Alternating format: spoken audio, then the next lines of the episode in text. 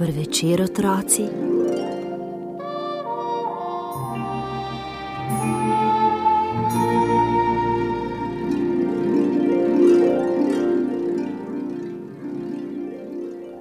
Samo tri dni časa imamo, da očistimo grad mišje zalege.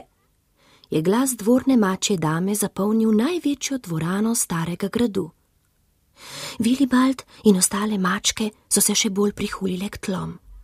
Kralj opozarja, da miši glodajo lesene balkone in se igrajo po kraljičinih omarah, je nadaljevala Klaudija. Če se me ne otresemo teh nadležnih miši, potem se bosta kralj in kraljica otresla nas. Klaudine oči so obstale na Vilibaldu. E, Vili, čemu vlačiš seboj odejo?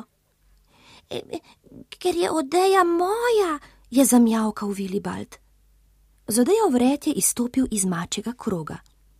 Kaj takega se na mači seji še ni zgodilo. No, zdaj si vendar delovni maček, miši ne moremo loviti z odejami, je zagodrnjala Klaudija in Vilju iztrgala iz krempelcev oražno kockasto odejo. Odstranijo in to kar najhitreje. Ampak je skušal ogovarjati Vilibald. Oprosti, Vili, tako pač je vrni se v naš krok, ni popustila Klaudija. Vilibald je ubogal. Nejevoljen je pristopil k Violeti in prisluhnil Klaudijini razlagi, kako se miši skrivajo po vseh mogočih in nemogočih kotičkih. Gnezda si gradijo iz perja v blazinah, pa tudi iz sukancev. Pregledati morajo vsak kotiček in vsako luknjo, zato brž v posteljo, da bodo jutri pripravljeni in spočiti za naporno opravilo.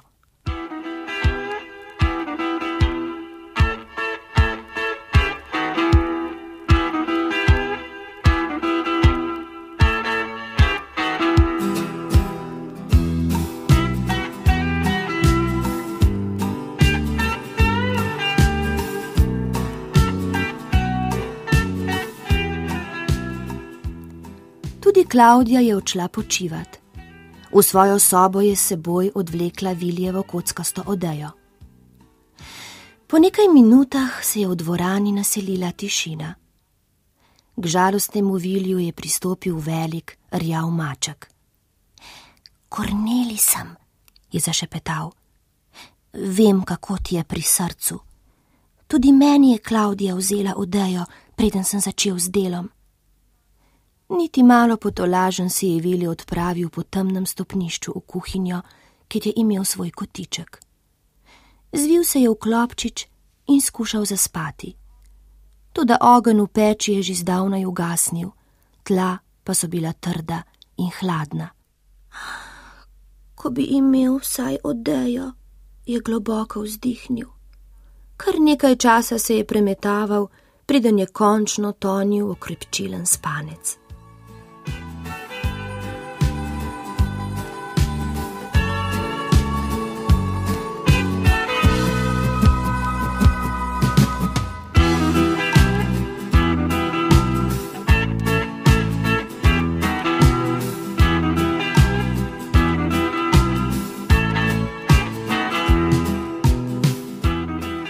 Mačke so z iskanjem miši pričele že na vse zgodaj.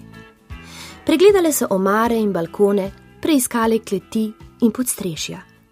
Dva dni so tekale po gradu, vendar mišega skrivališča niso odkrile. Tretjega dne jih je že pošteno skrbelo, saj se je rok iztekal. Vilibald se je na svojo roko odločil raziskati še sedemnajsti stolp.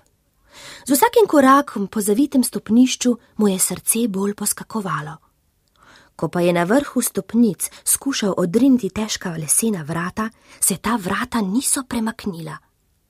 Hotev se je splaziti skozi režo pod vrati, pa je bil odločno prevelik.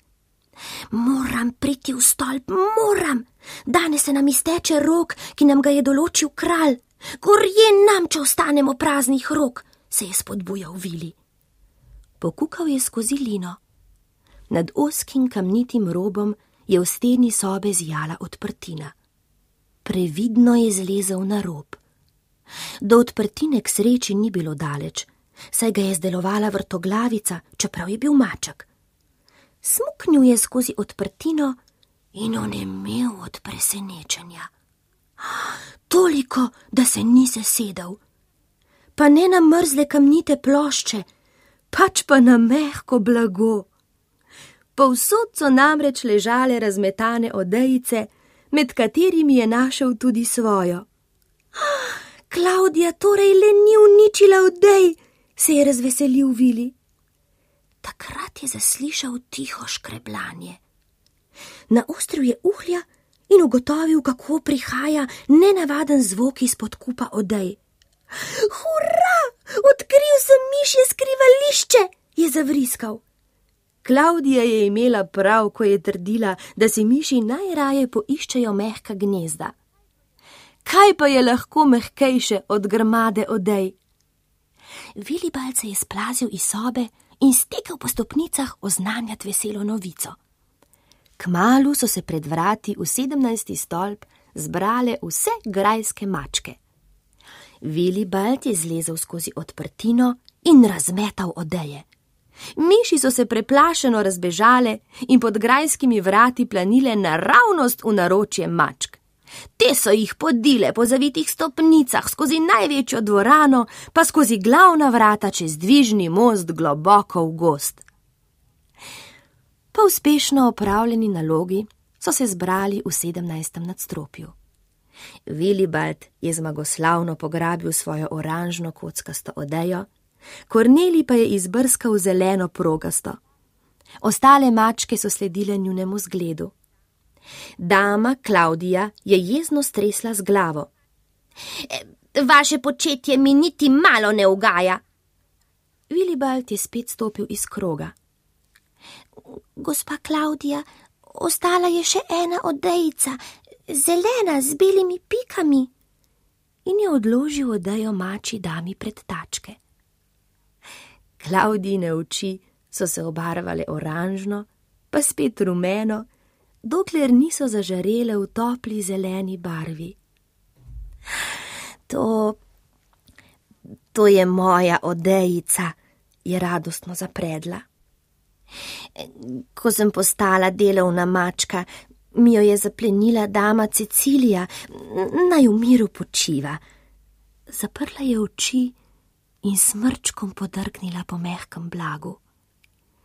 Vilibald si je oddahnil. Mislim, da lahko vsi obdržimo svoje odeje. Tudi delovne mačke včasih potrebujejo toplino in mehkobo.